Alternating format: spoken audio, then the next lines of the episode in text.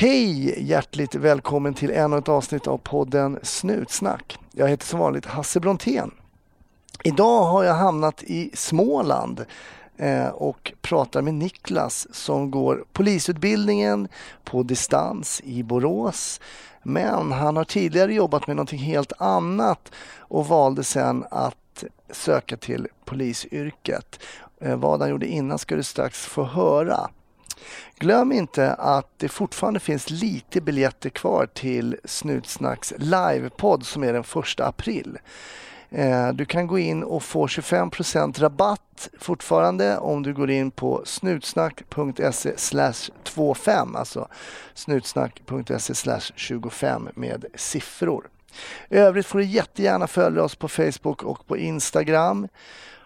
Glöm inte att tvätta händerna, håll dig borta från större folksamlingar så hoppas vi att det här corona som går runt nu försvinner så fort som möjligt. Ha en fantastiskt trevlig lyssning och var försiktig där ute. 1310 570 kom. 1310 Odengatan kom. Ja, det är uppfattat. Vi tar det. Slut. Bra. Klart slut. Säg varmt välkommen till Snutsnack. Niklas, Tackar, tackar. hur står det till? Det är bra. Det är ledig dag idag. Ja, det låter härligt. Mm. Ska jag berätta för er lyssnare att vi sitter alltså då på biblioteket i Gnosjö av alla ställen. Mm. Eh, för det är nämligen så, du och jag Niklas, vi har haft lite kontakt på Instagram eh, och eventuellt om du ska komma och gästa podden. Men då har vi sagt att vi får höras och se var vi befinner oss i landet lite för du bor i, i Småland och ehm, men du går just nu på polisutbildningen Just precis, det stämmer. i Borås I Borås, ja, på distans. på distans. Ja. Mm. Mm. Intressant eh, och vi ska givetvis lyssna lite kring hur det är att gå polisutbildning på distans i Borås. Men du har en historik att du har jobbat mycket med ungdomar innan. Du är 35 år idag vet jag. Mm. Så du har inte precis eh, gått ut gymnasiet sådär. Nej, du har nej. gjort lite innan. Ja. Men du har jobbat lite med ungdomar i, med, i problemlägen liksom. Kan du berätta lite din historik innan du började på polisskolan? Mm. Jag eh, läste, pluggade till eh, fritidsledare eh, 2008 till 2010. Mm. Eh, och efter det så började jag jobba lite på fritidsgård. Och sen eh, jobbade på någon högstadieskola med ungdomar och sånt där. Och sen för sex och ett halvt år sedan ungefär så började jag jobba som eh, fältsekreterare Mm. eh, här i Gnosjö kommun. Då. Eh, och då jobbar jag på socialtjänsten. Just jobbar förebyggande med ungdomar. Då. Förebyggande, uppsökande. Ute på eh, gator och torg. Eh, jobbar mycket tillsammans med fritidsgårdar, skolor och även polisen då. Eh, Mm. Och andra aktörer då som möter eh, ungdomar. Eh, och ett mycket intressant eh, och roligt yrke. Man har varit med om mycket, träffat mycket ungdomar. Och nu har jag inte, sex år är ju, eh, det är ju ett tag. Va? Det är inte jättelänge. Jag har kollegor som har jobbat längre än det. Men, Mm. just under sex år när man jobbar med ungdomar. Tänk från, från 13 år till 19. Det, att det, händer, det hinner hända mycket. Mm. Och man får liksom vara med i den, den eh, utvecklingen. Eh, det har varit eh, jättespännande. För oss då som inte bor i Gnosjö kommun. Gnosjö kommun är ju en, en, en väldigt liten kommun Mm. I Sverige. Men kan du berätta vad man kunde se då lite? Du får generalisera lite grann. Men vad kunde man se för ungdomsproblem i en sån mindre kommun där du har jobbat? Då? Mm. Vad, vad, vad, vad kunde ni se för Det, problem? det som är intressant när man tittar på det här det är ju att ehm, just vi som fältarbetare vi har ett, ett eh, rikstänkande nätverk, eh, kan man säga Riksförbundet för fältarbete. Eh, vi brukar ha en, en konferens en gång om året där man träffar, då är det fältare från Umeå till Malmö och, Lund och neråt där. Och, och det som är intressant att se är att våra problem om man säger som vi har med ungdomar i Gnosjö kommun skiljer sig inte jättemycket från de problemen man kanske har i Göteborg eller Stockholm och de här storstäderna. Skillnaden är ju att det är en annan omfattning på Mm. de här problemen. Att vi, har inte, vi har ju inte lika många ungdomar. Eh, jag vet jag, jag pratade med, med för några år sedan med eh, de som jobbar som fältare på Östermalm. Och de berättar att de någonstans beräknade de i sin målgrupp som var 13 till 18 så hade de 4 500 ungdomar i sin stadsdel som bodde eller som vistades eller som gick i skola. Och då kan vi titta på Gnosjö kommun då, där man har eh, drygt 9000 invånare. Och, och, Det är klart att man har ju olika förutsättningar men just själva problemen med, med narkotika, missbruk, kriminalitet de finns ju här också. Mm. Men det, ju, det, ju, det, blir ju en annan omfattning. Så. Men vad var ditt dagliga arbete då som fältarbetare? Vad, vad, vad, vad gjorde du rent konkret liksom på jobbet? Ja, eh, dels så hade vi, vi jobbade på socialtjänsten också. Vi hade vissa uppgifter som var kopplat till eh, socialtjänsten. Vissa delar av vår tjänst så jobbade vi med eh, kontaktpersonsuppdrag. Så vi fick uppdrag då från, från eh, socialsekreterare eh, där vi skulle jobba med en ungdoms eh, Alltså vara som en kontaktperson, kanske hitta på lite aktiviteter, någon som behövde det. Mm. Utifrån någon som gjort en ansökan eller efter en orosanmälan som har gjorts. Då. Eh, och sen jobbar vi mycket med det här uppsökande arbetet med ungdomar och, och skapa relationer till ungdomarna. Eh, jättestor nyckel där var samarbetet med skolorna som vi hade. Mm. Vi har i Gnosjö kommun så har vi två högstadieskolor. Eh, inte något hundratal elever då, totalt. Och det, det, att komma ut på skolorna, träffa de här eleverna och just det, det är det som är så spännande med det här förebyggande arbetet, att det är svårt att veta vilka individer man ska förebygga så att säga. Mm, mm, eh, så därför jobbar vi mycket med skolan. I skolan var alla ungdomar. Eh, vi körde, jobbade mycket med årskurs 7. Eh, tillsammans med områdespolis hade vi ett program som vi körde, informerade lite. Vilka är vi? Vad jobbar vi med? Polisen körde sitt. Vi pratade lite om det här med eh, machokultur, killar, tjejer, våld. Mm. Eh, Annars brukar man ju höra det här klassiska sen. Ja, ja, men vi såg redan på dagis att den här killen skulle bli stökig till exempel. Mm, men, mm. du, men du menar på att ni inte riktigt eh, kände, alltid kände av liksom vem som skulle sticka ut? Ja, ja men det, det, är det som är så intressant att det finns de som, som, som man, precis som säger, man ser redan på dagis att här har man ett avvikande beteende. Och samtidigt finns det de här som som flyger under radarn och sen så kanske det händer någonting. Jag har varit med eh, många gånger vi har haft ungdomar som eh, kanske där, där, föräldrarna separerar. Mm. Eh, och där, där ungdomarna då 14-15 års åldern, där börjar vi se det här eh, nedbrytande destruktiva beteendet. Då. Man är ute sent på kvällarna, man umgås med, man byter umgängeskrets och, och sådana här bitar. Då. Um, och Det var det som var så bra tack vare att vi är en så liten eh, kommun och att vi kan jobba väldigt tätt med skolorna. Att, att om vi började se en ungdom ute, om vi inte kände igen honom eller henne, mm. då var det inte någon från vår kommun. Ah, så, okay. så, så bra koll hade vi. Liksom ja, då, att det, ja. det, och det, det, är ganska kul att varit med och jobbat i ett sånt, man verkligen har stenkoll på sina ungdomar. Man säger mm. um, för det som har varit återkommande när man har pratat, du nämnde ju då att ni hade områdespoliser här som också eh, skötte sin information mot ungdomarna där när ni var i högstadiet till exempel. Eh, men när man har hört det, de polisiära diskussionerna som vi har haft liksom i Snutsnack är just man pratar om personkännedomen är så viktig mm. som du nämner nu också. Men jag tänker när, när kom det in någon form av intresse för polisiärt arbete då? Eh, hur var kontakten med till exempel eh, från er som fältarbetare med områdespoliserna i kommunen, hur var den? Hur samarbetade ni? Vi, vi hade eh, regelbundna möten. Eh,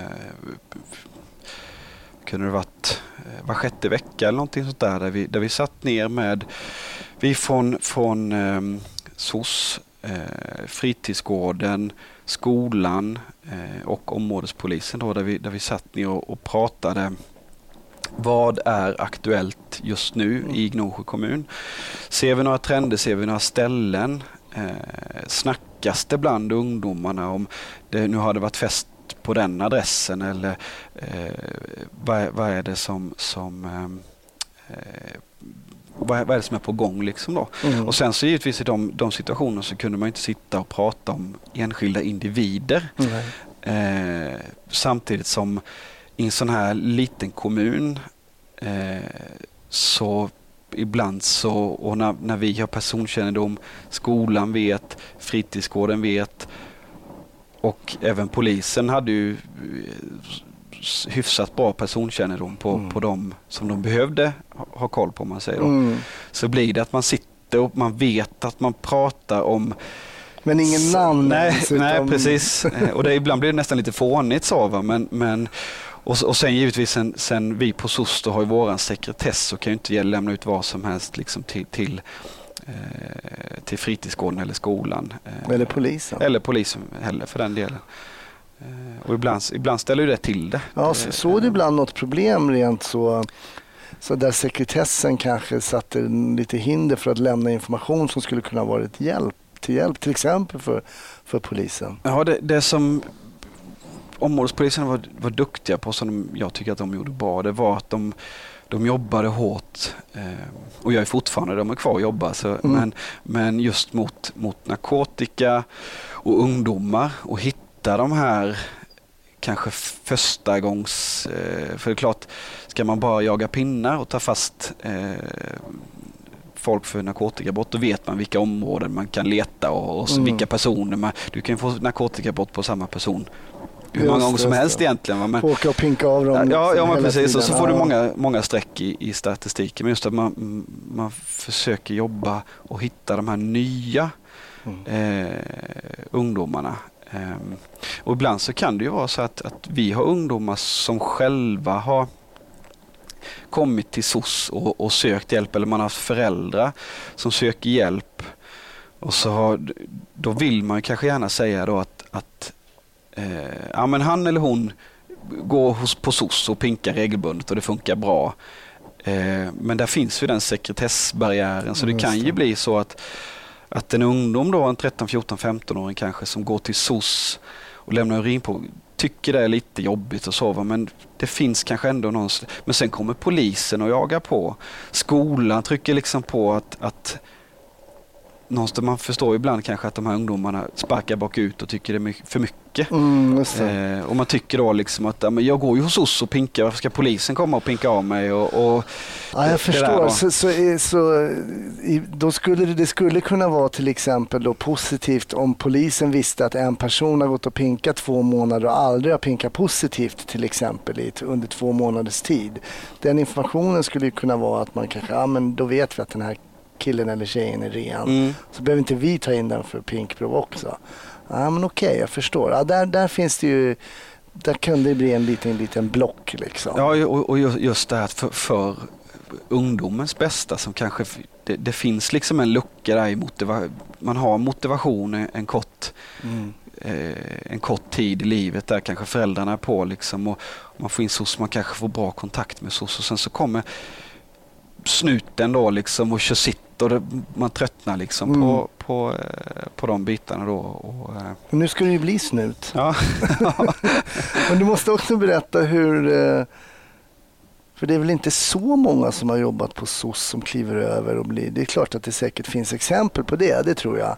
Men det är inte jätte, jättevanligt tror jag. Men hur kom dina tankar in kring att börja jobba liksom eh, som polis då?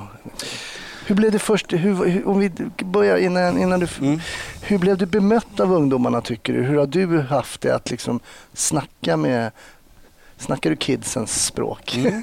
Ja, det- det varit? Ja, men det, det, är ganska kul det där för när jag började jobba då och hade jobbat något år och så hittade vi någon gammal, jag tror det var i samband med någon flytt, vi skulle flytta kontoret och sådär. Och så hittade jag någon gammal perm och sådär, det var, det var ju kul. Varit på, suttit på samma kontor i två år, aldrig öppnat en perm i, i bokhyllan bakom. Men, men, men ehm, gick igenom papper, så här, är det någonting vi ska spara? Så hittade en, någon gammal hot och våldsplan. Eh, som, den hade några år på nacken. Och, och en, en riskfaktor som man, hade, som man hade identifierat där, det var just att, att fältarna var kända av ungdomarna. Mm. Eh, och där, i det sammanhanget när jag hade jobbat, man hade lärt känna ungdomarna, så, så var det nästan snarare en, en skyddsfaktor. Mm. Att de visste vem jag var, Just jag visste vilka de var och de visste att jag visste vilka de var. Mm. Ehm, och man hade ju som sagt liten kommun, man har koll på föräldrarna också. Så några föräldrar har man spelat fotboll ihop med och, och, eh, och sådär då. Va? Så det var nästan snarare en skyddsfaktor. Jag vet ett exempel på det, det var när vi var Eh, träffade på några ungdomar i, i anslutning till, till busstationen. Och vi går fram och snackar med, med, med de här ungdomarna. Och då ansluter det någon som väntar på någon buss. Eh, eh, vi känner inte igen honom, en äldre 25-30 års åldern kanske då. Ganska sliten. Eh, eh, och han kom fram, han var ju social och kom fram och började snacka med ungdomar, snacka med oss. Och, och sen när han greppade att vi var SOS, då, var, då började han på oss. Ah, jävla SOS eh, och de har sabbat mitt liv, de har tagit mina barn. Eh, och hur det nu var. Och då kommer ungdomar och säger, ja, men lugna ner det. här är liksom, det var ingen hotfull situation men det var ju så här, mm. stämningen mm. blev lite. Mm. Och då kommer ungdomarna, men de här är schyssta, det är schysst SOS liksom. Eh, och det, det är ganska tydligt kvitto på att då har man liksom den här relationen till ungdomarna som, som jag tycker att man bör ha i den rollen som, som fältarbetare. Då, att man, man, och sen att man, man är tydlig i vad gör jag, vad är min roll mm. i det här? Mm. Vi är inte kompisar men om du har några, någonting du vill prata om så kom och snacka. Jag har tystnadsplikt men jag har också eh, anmälningsplikt. Då. Mm. Att jag måste göra, blir jag orolig så måste jag göra en orosanmälan. Mm. Eh, och det, det, tycker jag det har funkat jättebra under de åren. Mm. Som jag, också tack vare att, man, att det är en sån liten kommun. Att om jag jag vet någon gång man, man eh, varit på någon fest på, på fredagskvällen. Man har liksom hittat ungdomar och man har ungdomar som ja, men de har varit så pass berusade så de kan inte ta hand om sig själva. Um, vid något tillfälle, jag har sagt jag har jobbat länge som ordningsvakt och uh, träffat på en ungdom som jag, om det här hade varit på krogen, personen hade varit över 18 så hade det blivit en, en lobb mm. kanske då, alltså mm. lagen om omhändertagande av berusad person. Men det, det, gör man ju inte när det gäller ungdomar sådär. Men det, det har ändå blivit, man har gjort en orosanmälan. Um, och det är klart att ungdomarna tycker det suger. De vill mm. inte hamna på SOS. Nej, såklart inte. Eh, men fördelen har varit då att då har vi kunnat, ja, men på måndag eller tisdag, då kan vi gå till hans eller hennes skola, kolla, många fall så vet vi exakt vilken klass de går i, kolla schemat. Ja, men de har lunch där, ja, men då kollar vi, vi är på samma ställen, vill du snacka? Ibland vill de, ibland vill de inte. Och då kan man liksom förklara det. För det, det, ta det på fredagskvällen eller lördagskvällen när de, eh, det är liksom inte läge utan då får man se till att man ringer föräldrar och gör det här. Mm. Liksom. Och, men sen så när man träffar dem i en lugn miljö, man kan förklara varför jag har gjort det här och vad som kommer hända. Att men, du, nu kommer du och dina föräldrar få träffa en socialsekreterare.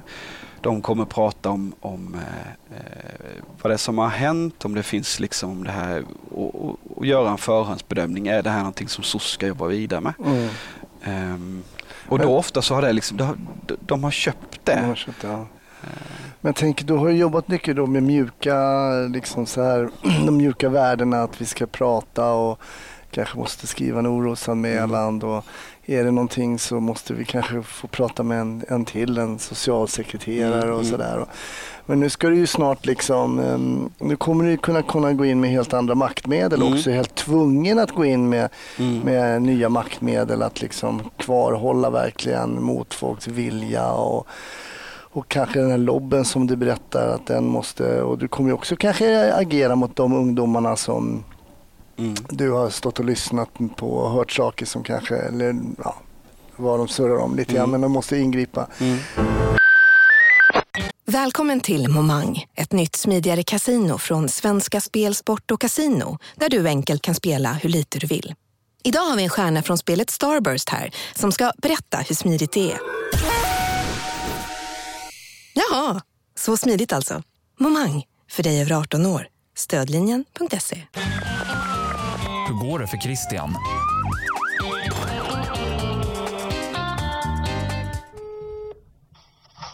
Ja, Christian? Ja, men tjena Christian, det är Hasse Brontén. Hallå, hallå, hej! Hur är läget? Det är bra. Vi hade en riktigt rolig eh, lektion igår när vi började med att öva på normalstopp av bil, alltså av fordon. Så i polisbil stoppa ett annat fordon. Ja, För att genomföra nykterhet och körkort. Och det var ju liksom, ja, ut i två stycken polisbilar. Eh, och man, den ena var figurant och den andra skulle liksom via radion få uppgifter. Och sen skulle man genomföra ett normalstopp på, den, liksom, på lämplig plats längs en landsväg. Mm. Det var, ja, det var sjukt roligt. Det var jätteroligt.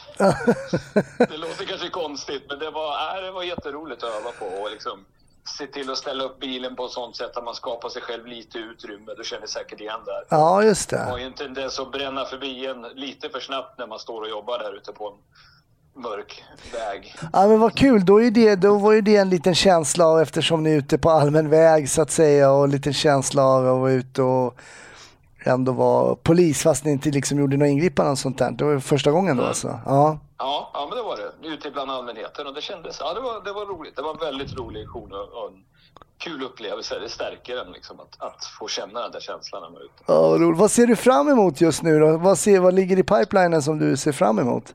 Ett mörkerområde för mig är ungdomar och kom, den kursen kommer påbörjas nästa vecka också och löpa i två veckor. Just det. Det ser jag faktiskt fram emot att läsa lite om för det där kan jag verkligen ingenting om. Tack för att vi får, eh, för att vi får en liten update av dig Christian och eh, plugga vidare här nu. Vi vill ju inte ringa upp nästa gång och veta att du har flunkat. Nej, det, jag, lovar. jag, ska, jag, ska, jag ska försöka göra snusstackars lyssnare stolta. Ja, det är bra. Du, tack och bock. Eh, Vi hörs nästa gång då. Ja, hej då. Ha det fint. Hej! Tanken där att gå över, om vi går tillbaka till den frågan som jag ställde förut men som vi pausade lite, att liksom, när dök tanken upp att nej, men jag tror jag söker, söker in till polisutbildningen? Mm. Ja, det, det är ju kul för givetvis då så, så vet, vet jag ju om och är medveten om de här sakerna som man kommer ställas inför givetvis.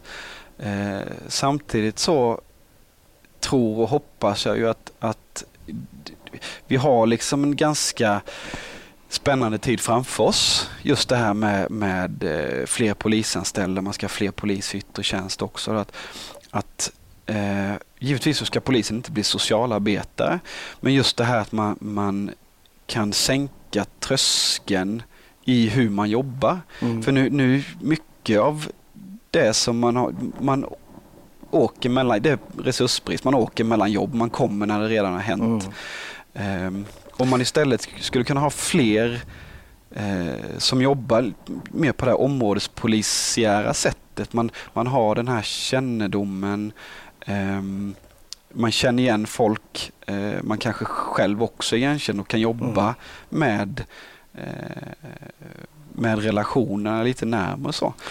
Vi har ju exempel också i podden och man kan ju ibland höra att poliser ibland har liksom utfört ett typ av socialt arbete Mm. och det är nog också ibland, även om inte polisens ro- s- är satt att göra den rollen. Jag menar, jag kommer ihåg ett avsnitt där Miriam var gäst. Hon berättade om en polis som hette Ulf som tog henne i knät när hon var 14-15 och sa så här, här har du en 500 gå och handla den mat du behöver. Och idag jobbar hon också som polis och har träffat den här polisen efteråt och Mm. du var så viktig för mig. Så jag tror att det du nämner, att liksom jobba mer proaktivt. Och jag tycker man behöver väl inte vara någon forskare för att komma på att det skulle vara en bra tänk att finnas där ungdomar finns, där Mm. brottslingar finns och så vidare, har kännedom. Så att ehm, jag hoppas verkligen att det blir så att vi får fler poliser och att det sättet som du nämner att jobba, jobba på kommer mer och mer. Ja, och, och sen är det ju, tycker jag, jag är spännande nu för nu, nu läser jag på distans. Mm. Jag läser i Borås som är, jag har sju mil dit, det tar en timme med bil ungefär. Ehm, det har också möjlighet, det har gett mig möjligheten att börja plugga och ta det här steget också rent praktiskt. Jag har fru, jag har två barn. Ehm, att dra iväg ett flyttlass till Stockholm exempelvis då eller plugga på heltid någonstans. Där man har, för nu har jag möjligheten att lägga upp studierna lite som jag vill. Mm. Kan plugga lite på kvällarna kanske under dagtid. Eh, när, när det passar mig istället för att vara iväg liksom hela tiden. Då. Eh, Jag har alltid varit imponerad. Jag, jag jobbade ju som lärare under en tid uppe i Stockholm. Då, men Mm. Jag är alltid imponerad av folk som hade barn hemma när man själv har barn och vet hur mycket tid det kräver Mm. och hur mycket det lever om ibland kanske. Och Mm. Ibland när man pluggar så krävs det en del fokus. Hur fungerar det att eh, plugga med? Hur gamla är dina barn nu? Eh, Jag har äldsta grabben, han är fem och ett halvt. Och sen har jag... Action. Ja, ja, absolut. Och så har vi en liten som är eh, snart åtta månader. Eh, Så där är den, den minsta där, han, han, eh, det börjar bli action på honom också kan jag säga. Man kan ju inte lägga honom på ett ställe och han ligger kvar. Eh, Ja, det är roligt för jag har ju en flicka hemma som också är snart i åtta månader. Ja. Så att det är samma situation där. Ja, Ja, det skulle vara tufft att sitta och plugga. ja och, det, och det, det är det som jag, jag tycker eh, att man, man, får, man måste ju fortfarande lägga upp det lite som en arbetsdag. Jag sitter ju inte särskilt mycket hemma Nej. och pluggar utan äldsta då han går ju, han har ju 15 timmar på, på förskola då som han är varje vecka. Då. Jag brukar göra, göra då att då åker jag och lämnar honom klockan nio. Och sen sitter jag på ett bibliotek eller någonstans då där man kan få lite lugn och ro. Eh, man sitter och sen gör, man det som en arbetsdag egentligen. Sitter, tittar på föreläsningar, pluggar, läser. Har du Eh, den självdisciplinen också? Ja, men, jo, men just när man kommer iväg. Sitta hemma, det konstaterar du ganska snabbt att nah, jag, kan ju, jag har ju inga glödlampor som behöver bytas hemma efter första dagen. Utan, "Oh, den där lampan har varit sönder i tre månader men nu måste nog den bytas nu när jag ska sitta Det går alltid att hitta den." prioritera Ja, någonting framför studier. Ja, det, är, det är ju konstigt. Ja. Och vi, för vissa funkar det att sitta hemma. Ja. Eh, Men jag, jag tycker att det funkar. Liksom. Man, man tar det som en arbetsdag, man kommer iväg Mm. från hemmet just. Just det. Hur länge har du gått nu då, utbildningen? Jag, eh, jag går första terminen nu, Mm. Eh, så vi är precis liksom i början. Här. Hur känns det? Ja, men det är ju roligt. Ja, det är det. Eh, Och sen, sen är det det här, ja, men man vill ju ut, man vill ju ut och jobba. Och samtidigt så, klart man ska ju ta, ta, var, ta tillvara på den här Ja. tiden också som man har tillsammans. Men man, man kommer varandra ganska nära. Mm. Och nu då när vi har de här, vi har ju fem veckor per termin som vi är på plats på högskolan då, eh, från måndag till fredag. Mm. Eh, där vi jobbar med de praktiska momenten. Eh, mycket med FTM, då, fysiska teknik och metoder. Man är inne, man brottas, man lägger ner, man, man jobbar med de här, så man, man kommer ju varandra ganska nära. På, fysiskt ja, också. ja, ja, alltså det, det, det säger de redan första lektionen, så här, det här är någonting som ni måste vänja er vid, att vara nära era, era klasskamrater. Eh, Mm. I dessa det- coronatider Ja, som det är just nu. Ja, det, det, det är ju det. Eh, Men de, de har ju... Får brottas i sådana handspel. Ja, ja precis. Eh, Men nu, nu så säger nu har eh, vi, jag har kommit precis från en, en eh, vecka där nu. Jag vecka, varit, ja. varit uppe och gjort de här och det är rätt så tuffa pass. Framförallt de här fysiska passen. Mm. Om man kör tre och en halv timme mellan ett och, och eh, halv fem. Eh, kör man då så har man en liten fruktstund eh, på mitten där vi. Och, eh, eh, och nu har inte vi gjort det men vet någon av de andra distansklasserna de har haft någon sån hel dag. Börjar klockan åtta. Kör på liksom och man börjar med armlås och, och, Mm. och, och sånt här. Liksom, kör man en hel dag. Och det, det är liksom, man är rätt så mör. Och jag tycker själv att jag är i hyfsat god form. Mm. Men man, efter en sån, man, man blir ganska eh, mör i kroppen. Så efter sånt. Eh, Jag förstår, jag förstår den här tanken och jag tror jag tänkte exakt samma sak. Liksom, att man, man vill ut och jobba och man vill, man vill bli färdig polis och sådär. Men jag sa alltid det, så här, glöm inte att det här är så kul tid på skolan. Liksom. För tror eller ej, men även polisyrket kan ju också bli, det blir bara ett vanligt yrke, Mm. åka till jobbet liksom. Eh, även om det inte känns eh, så. Men det är klart att distansen skiljer sig lite grann eh, eh, från att gå, gå till plugget varje dag Mm, som mm. man gör då om man inte går på eh, distansen. Då. Så det, men det är lysande också för dig som lyssnar och tänker att ja, men jag har också två barn hemma och då är du Niklas ett exempel på att det, det i alla fall eh, fungerar att ha en lösning som är annorlunda än att gå den så att säga citat vanliga Ja, utbildningen. oh ja. Och det, det som jag tycker är lite roligt också, just när jag pratat med så tidigare, jag vet för många år sedan jag träffade någon polis i något sammanhang och så precis hört, för det här med distansutbildning har faktiskt funnits ett tag. Eh, och jag frågade så här, de här, hur- hur är liksom kvaliteten på de poliserna som kom ut som är distansare då, liksom, är det lite postorderpoliser eller, eller, men han sa att han tycker faktiskt att det då hade han väl träffat en del som gått distansen i Växjö, att han tycker det är hög kvalitet på dem och ibland till och med kanske lite högre. Den typen av utbildning kanske lockas till sig de som är lite äldre, som har lite mer livserfarenhet och som har annat Mm. med sig i bagaget. Eh, och det är det som är så kul att jag är inte, jag är 35, jag är inte äldst, eh, jag är inte den enda som har barn. Eh, utan det är ju en härlig blandning av Mm. människor som, som träffas och det, det är så olika. Ett par till som har jobbat som ordningsvakt, vi har några som jobbat inom försvaret och sen har vi någon som har jobbat inom försäkringsbranschen, eh, någon jurist. Mm. Ja, det. Eh, eh, det är en sån som man vill ha i sin grupp när det kommer till grupparbeten och så givetvis. Men, eh, Men det är ju intressant att se att, som, att man kommer från, in från andra branscher och med, med tidigare erfarenheter. Vad, vad, tror du, vad tror du är till fördel för dig när du kommer in i polisyrket sen och har med dig de erfarenheterna, som du har som fältarbetare och har jobbat på SOS och sådär. Vad, vad, vad tror du att du kan ta med dig från ditt tidigare yrkesliv in i det nya yrket som polis? Ja, det, det vet jag inte än. Det, säga, men det, det är svårt att säga. Du kan men, socialtjänstlagen ja, kanske? precis. Den, man har hyfsat, eh, hyfsat koll på den. Och, och sen just det här att, att eh, sen givetvis kommer det bli en annan sak när man möter ungdomar med uniform på Mm, sig. mm. Eh, men just i det här i bemötande och hur, hur ungdomar ofta Eh, särskilt de ungdomarna som, som jag har träffat på som, som socialarbetare. Då, de, de har liksom en fasad och gärna i grupp då kan det bli stökigt och skränigt. Liksom. Mm, mm. Eh, men ofta så finns det ju, att, försöker man ha lite tålamod eh, och jobba med och särskilt då om man kan jobba på det sättet att man träffar de här personerna och ungdomarna i sammanhang där det inte har hänt någonting. Just det.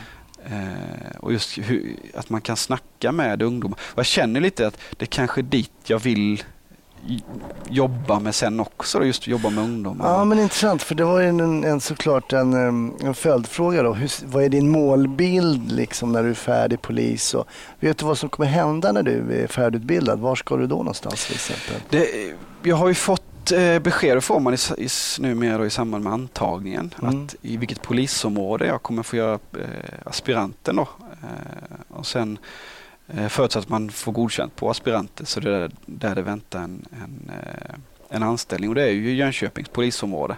Och det är ju liksom här i, i, där jag bor och där jag, som jag känner nu i alla fall, vill jobba. Mm. Ehm, för som jag förstått det så tidigare så var det så att då, då fick man, när du hade gått utbildningen så fick man söka en aspirantplats och sen då kunde man få en plats långt hemifrån. Och sen för, för mig då som, som, som sagt, vi har villa, eh, två barn och, och hela de här familjer. Det är inte så intressant då heller att dra iväg liksom och flytta. Eller tacka nej vill man inte heller göra om man har gått en utbildning på ett och ett halvt eller två Nej. år eller hur, hur, hur det ligger till där då. Eh, så det känns ju bra liksom att ha det klart. Ja, men jag vet Mm. att det här jag kommer hamna. Ehm, och sen då så, så eh, Eh, Och någonstans som sagt jobba med ungdomar. Och sen så tror jag att det, det blir lite så även om man jobbar som ingripande polis. Så tänker jag att det speglar lite ens egna intressen. Så här, vad väljer man i den mån man kan välja att jobba? Mm. Eh, det är klart att jag, jag har ju en bild att även när jag jobbar som ingripande polis så vill jag kanske om jag har tid slinka in på någon fritidsgård, kolla läge, snacka Mm. med ungdomar, snacka Mm. med personalen. För jag vet att det är uppskattat av personalen också. Mm. Eh, komma in och, och, och, och snacka lite så. Va? Kul, det ska bli intressant för det man har märkt i podden det är många som är på en speciell position inom polisen så sa jag, det här hade jag aldrig planerat att göra egentligen. Men av olika anledningar och några bananskal hit och dit så hamnar man ju på platser som plötsligt är väldigt intressanta som man kanske inte riktigt hade planerat innan. Nej, och det, jag, har ju, jag har ju fastnat lite för jag har börjat kolla lite på det här med IT och avrapportering. Ja. Det, det är faktiskt ganska intressant. Och, liksom, och sen så får man ju, jag vet- många som tycker "Uff, avrapportering och sånt här. va." Men just nu har vi bara börjat lite med det. Då. Ja. Men, men just att det, det var det var mer intressant än vad jag hade målat upp bilden av att det skulle vara i alla fall. okej, ja. Eh, Och just det ehm, eh, lite så här, hålla förhör och sådana här Mm. saker. Och, Eh, fick, jag kommer ihåg halva klassen fick gå ut, eh, andra halvan fick sitta kvar i, i klassrummet och titta på en film. Och sen så skulle vi liksom försöka, vad var det som hände på den här filmen? Och så man håller för man lite stödanträkt, man, man skapar sin bild i huvudet och sen får man se den här filmen. och hur mycket det skiljer sig. Och så fick man titta liksom, eh, titta på klasskompisarna, vad de hade skrivit i sina förhör och sådär. Jätteintressant. Eh. Alltså, intressant tycker jag är bara att åka på en trafikolycka i en patrull. Eh, vi ser att det är två personer som har krockat då med varsin bil. Och sen så går du och pratar med den ena och jag går och pratar med den andra och det kanske inte är en solklar ehm, högerregel eller något sånt där. Utan det kan vara ett annat som lite mer diffust fall. Vem har gjort rätt och vem har gjort fel i alla fall. Då är det rätt intressant om de här två kollegorna kommer tillbaks. en har en sida av myntet som är helt polariserat åt det hållet och en har då den andra sidan av myntet. Lite intressant hur man står då kanske på den ena eller på den andra sida. För man har fått två beskrivningar av exakt samma händelse men av två helt skilda personer som då menar på att Nej, men jag gjorde så och den andra menar så här, jag gjorde så. Och det där är ju en sak för svensk polis när man avrapporterar att man ska då vara så, alltså bara så beskrivande vad har hänt så att säga. Och inte lägga någon egen värdering. Jag tror att det är ju vi helt ointresserade av, alltså, utan av polismannens åsikt. Utan vi vill bara veta vad du har fått in för information och beskrivning. Så att, Vi har ju faktiskt en bok som heter just skrivande polis i kurslitteraturen. Så här, Ja. Hur skriver man protokoll, PM och alla de här bitarna på ett neutralt och bra liksom, myndighetssätt som, som ändå inte ska vara ett avancerat språk och det är, liksom, det, det det är inte, Börjar inte ni skriva. fortfarande anmäla här, dag som ovan patrullerade, det körde man alltid, kom, varje anmälan började så. Dag som ovan eh, patrullerade den och den polismannen i radiobil. Ja, det, det, Mm. det är ganska kul ändå just med, med de här som jag har förstått det så har det, ju, det har ju hänt lite eh, på det området Mm. just med, med datorsystemen. Det här liksom att jag, jag tror inte man behöver skriva samma sak på fler ställen. Nej. Så här, liksom, har du skrivit ett, ett datum så liksom, då hänger det med kopplat Ja, till ett ärendenummer. Mm. Och liksom sådär då, Mm. att det, det, eh, just om man jämför med skrivmaskin. Eller, Ja, det, fan, det var faktiskt skrivmaskin på min tid. Jag vågar Ja. knappt berätta för det avslöjar ju min ålder. Men eh, men fax finns kvar kan jag säga. ja, det är helt makalöst Ja. att fax. Jag tror att det är på vissa myndigheter så här, du måste faxa, men ja. Hört talas om mail. Ja. Men ehm, vad är det intressantaste ämnet nu då på skolan då? Förutom eh, avrapportering. Ja, om vi tar bort det här då. Så. Eh,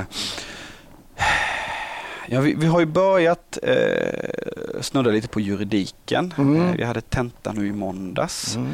Eh, vi har läst en, en, en kurs också med, som heter juridik i sam, eller polisen i samhället. Mm. Eh, som gjorde också tenta i måndags. Eh, det var en härlig dag. Ehm, och det, det, vi pratade lite om det i, i gruppen och just hur, hur, ehm, hur de två ämnena skiljer sig lite. Och just inför tentan då, liksom, man ska visa. Eh, för polisen i samhället, det, det är ju alltså, lite samhällskunskap, eh, statsskick eh, och de här Just sakerna. Liksom, hur, hur är svenska samhället uppbyggt och hur är polisen uppbyggd organisatoriskt? Och Så det är allt från riksdag och regering och lite så. Och ner på Ja, kommunal nivå egentligen då. Mm, Eh, och hur man inför en tenta då eh, där, där, där gäller det liksom att komma ihåg saker. mm. Och sen så, så är det vissa saker som man, som man vet ändå. Eh, och sådär? Men, men rent kunskapsmässigt. Jag måste läsa en text, jag måste titta på en föreläsning, ta till mig den kunskapen. Men alltså juridiken så handlar det lite mer om att, att knäcka den här koden. Mm, Eh, Just med mm. att slå i lagboken, för den fick vi ha med oss på tentan. Då, Mm. liksom att, och hur de här olika lagarna, lagarna kan vara eh, Tolkas lite. tolkas och hur de är Mm. ihopkopplade och hur, hur vissa lagar gör, un, gör att det blir undantag i andra lagar och så vidare. Då. Mm. Ehm, eh, och det, det ganska ett nytt ord som jag lärt mig på utbildningen, subsidiär. som innebär att en, en, en lagstiftning är liksom en, en, eh, eh, en grund som förvaltningslagen är en subsidiär lag då, där polislagen har andra bestämmelser kring samma saker och därför är det Mm. polislagen som gäller. Vad bra att du förklarade det, för det hade inte jag kunnat göra. eh, och sen så har vi just det här med, eh, vi läser om, om eh, FTM som jag nämnde, de fysiska Mm. bitarna då Mm, med grepp. Eh, börjat lite med vapen, vi kör bil och det är det som jag tycker är kul med distansen också. Jag har pratat med, med eh, färdiga poliser som berättar att vi fick inte börja köra bil förrän i termin två. Det gjorde vi på om var första eller andra veckan. Men då är det ju fick parkera Just det. och, och, Körgården, är den Ja, ja, ja precis. Eh, och det är ju som jag förstår det, är ju för att vi inte ska skrapa bilarna i garagen sen när vi kommer ut. Liksom, och, Ja, just det, eh, och just den här fina. Eh, och det, det ska jag säga att Volvo V90, det är en stor bil. Ja, det är en stor. mycket stor bil. Eh, eh, men det, så, så det är väl det vi har kommit igång och, och Mm. börjar med nu. Eh, och det, det som jag eh, tycker är, alltså de här FTM-passen, det är ju roligt. Man får, man får eh, blir lite action. Ja, jo, men det blir lite så. Och sen, så. sen är utmaningen att hålla det på en bra nivå. Mm. Och som var instruktörer väldigt duktiga med att påtala hela tiden liksom att nu, nu, nu prövar vi. Ja. Jag tyckte alltid det var någon i klassen som skulle bända lite Ja, ja. för Mm, mycket. mm. Liksom. Och sen, sen, sen, sen så är det svårt också sådär för, för mycket är ju upp, upp till den här figuranten då om man säger, han som är, bo, är boven. Att håller han in armarna, men det är klart Men måste jag ju ta ut. nästan. Alltså. Och det, det, det är svårt. Men det roliga där är också att se att för jag har ju eh, som sagt jobbat som ordningsvakt och man har ju några av de här sakerna är ju inte helt främmande om man säger Nej. så. Utan, ehm, men ändå hur mycket det finns att lära sig och just det här hur man för jag har ju gått utbildningar inom det där också men hur man ofta kanske fastnar för en eller ett par tekniker Mm. eh, och sen då sen får man lära sig så finns det här smörgåsbordet Mm. och jag kommer fastna för det här eh, ledgreppet om man tar tag i armen och kollegan kanske jobbar på ett annat sätt. Mm. Men det är liksom, grunden är samma. Och det roliga här är också att se hur klasskompisarna också utvecklas. Det, jag känner det själv att jag får ju betydligt fler verktyg. Ehm, men också hur, hur, hur kanske eh, klasskompisarna, ja, ja, med bakgrunden inom försäkringsbranschen då kanske Mm. snappa upp och lär sig och, och hur snabbt. Och det har några Just våra instruktörer sagt också. Vi har ganska många, de är inte med liksom på varje utan det var Mm. någon som, som vi hade häromdagen som varit med på vårt andra pass. Han sa vilken utvecklingskurva på det här gänget. Och se Wow, liksom kul. hur, hur, och hur vissa saker som man fick tänka på i början hur det kommer automatiskt nu. Så Just vad man håller benet när man, när man Ah, håller, mm. håller i armen och sådär. Liksom, man ska hålla det bakom eh, gärningspersonens ben och så vidare. Intressant. Nej, många av de där basgrejerna är ju kvar hela tiden tycker jag. Man använder verkligen dem när det blev lite stökigt. Så jag har aldrig varit en superstark person men att ha de här greppen och när man väl får dem så, så är de väldigt, väldigt, väldigt bra. Mm. Men det, det, intressant just som en av våra instruktörer sa det, att, att det ofta så är så här, är du en väldigt, väldigt stark polis, då klarar du det med styrka. Men problemet blir då den gången du faktiskt möter någon som är starkare. Mm. Då har du kunnat förlita dig på styrkan så länge och då har du liksom inte kanske jobbat med de här just själva tekniken och hur det liksom kan ställa till det då. Jag kommer ihåg jag var uppe på Malmskillnadsgatan. Jag var helt eh, ny polis. Ung. Jag var ju väldigt lätt. Alltså jag är ändå 1,87 men jag vägde 68 kilo när jag började på polishögskolan. Det var inte den största eh, killen i stan. Och då var det en sån gammal, tänk dig en sån gammal riktig grovarbetare som stod uppe på Malmskensgatan. Han var lite full, han kanske var ute och spanade efter några brudar där liksom. Och han var lite stökig så jag skulle flytta på honom. Liksom, sådär. Nej, men du kan inte stå här. Du står i vägen för trafiken också. Så jag tar tag i någon form av sånt här transportgrepp. Liksom. Då bara lyfte han undan mig. Liksom. Alltså han bara lyfte undan mig. Och jag bara kände så här. Okej, nej, men du kan stå där. Det är helt okej.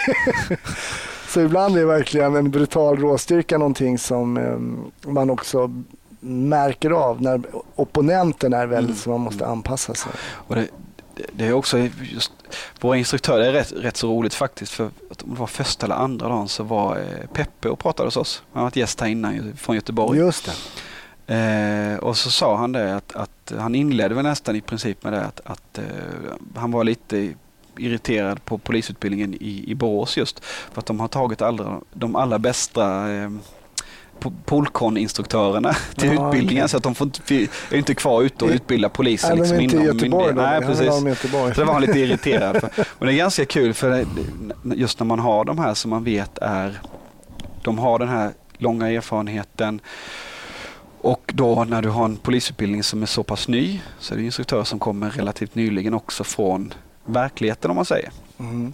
Och hur de liksom kan berätta. Och det är nästan det som jag tycker är kul också, att berätta om de tillfällen där det har gått åt pipan. Mm. Man ser liksom de här, liksom de här killarna och tjejerna som är jätteduktiga men de klarar inte alla situationer heller. Nej, det är så svårt Eh, ibland alltså. Och, och, eh, och samtidigt så vet de vad de snackar om. Så. Och det är också de situationerna när man inte klarar med de här teknikerna, när man tar till tekniker som ser också när någon kanske står och filmar som det ser inte bra ut. Mm. När det blir, men när man ska försöka få tag på någon. Hoppas det inte kommer i några sådana. Alltså Niklas, så spännande att höra eh, kring ehm, eh, ditt tidigare liv och att du byter, går in från det här eh, mer sociala eh, in till polislivet. Det är nästan så jag får fånga upp det om några år igen och se Mm, hur, hur det har gått. Men jag kommer ändå inte släppa det med den sista frågan som givetvis är om du kollar på polisfilmer. Ja, jag är ju inte polis än så jag tänker jag är ganska safe där när det gäller dem. precis. Eh, eh, jo, men så det, det är klart. Eh, det gör man ju. Eh, och, och eh, det, det som... Och se- sen givetvis är det så att ja, jag, har, jag känner en del poliser, eh, jag har jobbat, jobbat haft en bakgrund i Försvarsmakten också, så där liksom med, med vapenhantering och man vet liksom att pistol skjuter du kanske 10 meter, 15-20 kanske max då med hyfsad precision och så vidare. Då. Eh, så det är vissa sådana små grejer som man stör sig på. Eh, samtidigt så får man ju förlika sig med äh, att det är underhållning. Eh, samtidigt så finns ju en serie som en tv-serie som jag skulle vilja rekommendera. Jag vet inte, ja, den har varit med i podden tidigare. Men Brooklyn 99 Ja. komediserie. Den är ju urflippad totalt. Tror väldigt lite förankring i hur det är att jobba som polis i, i USA på riktigt. Men, men just det underhållningsvärdet och se- sen eh, det här som jag ändå tror att det speglar kanske den här lite Jargongen. Ja, jargong och det här, så här kårarna, det här tillsammans med ett lag. Man, känner, man skämtar, man skojar, man är liksom, men när Mm. det väl gäller så Mm. ställer man liksom upp för varandra. Och sen i den här tv-serien, så, visst det är ut, utflippat. det tar ju till sina ytterligheter då, va? Men, men just den här kamratandan Ja. och det och som jag även då som man har upplevt inom försvaret och de här bitarna. Att det, det, det Ja, är... men jag, jag blir ju såklart glad när du rekommenderar en komedi. Det är inte Mm. ofta, men vi behöver ju garva också. Och det kan jag säga, det tror jag är en av de, mina minnen, alltså positiva minnen av polisyrket. eh, Att, eh, mycket skratt och eh, det behöver man i ett yrke eh, som polisyrke tycker Mm. jag. Och, och just den här kårandan som Mm. jag inte ser som någonting negativt utan den här sammanhållningen. Det blir liksom en, ett sätt rätt. att, att överleva egentligen ibland. Ja, absolut. Bra tips och eh, jag har också fått lite förfrågningar om att jag inte kan lägga upp de här filmtipsen lite mer tydligt och man är inne och, och, och vad var det för tips nu igen? Så jag ska faktiskt försöka göra en genomgång och lägga upp kanske lite IMDB-länkar eh, på eh, Snutsnacks Facebook-sida och där då givetvis Brooklyn 99 eh, givetvis ska komma upp. Väldigt roligt också för övrigt. Jag har sett den också. Stort tack Niklas! Tack. Och jag vet att du har föreläsning i eftermiddag. Lycka till med den. Tack så mycket. Tack så mycket.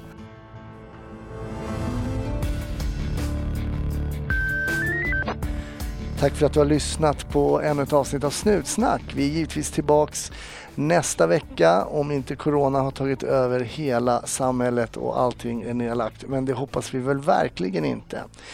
Följ oss gärna på, på Snutsnacks Facebook-sida eller på Instagram. Sprid om du tycker podden är bra. Du får gärna prenumerera eller skriva en recension eh, på iTunes. Det skulle verkligen uppskattas. Ha det fint. Hej så länge.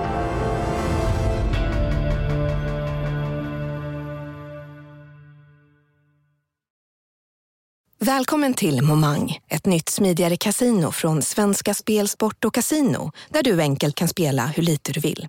Idag har vi en stjärna från spelet Starburst här som ska berätta hur smidigt det är. Jaha, så smidigt alltså. Momang, för dig över 18 år. Stödlinjen.se.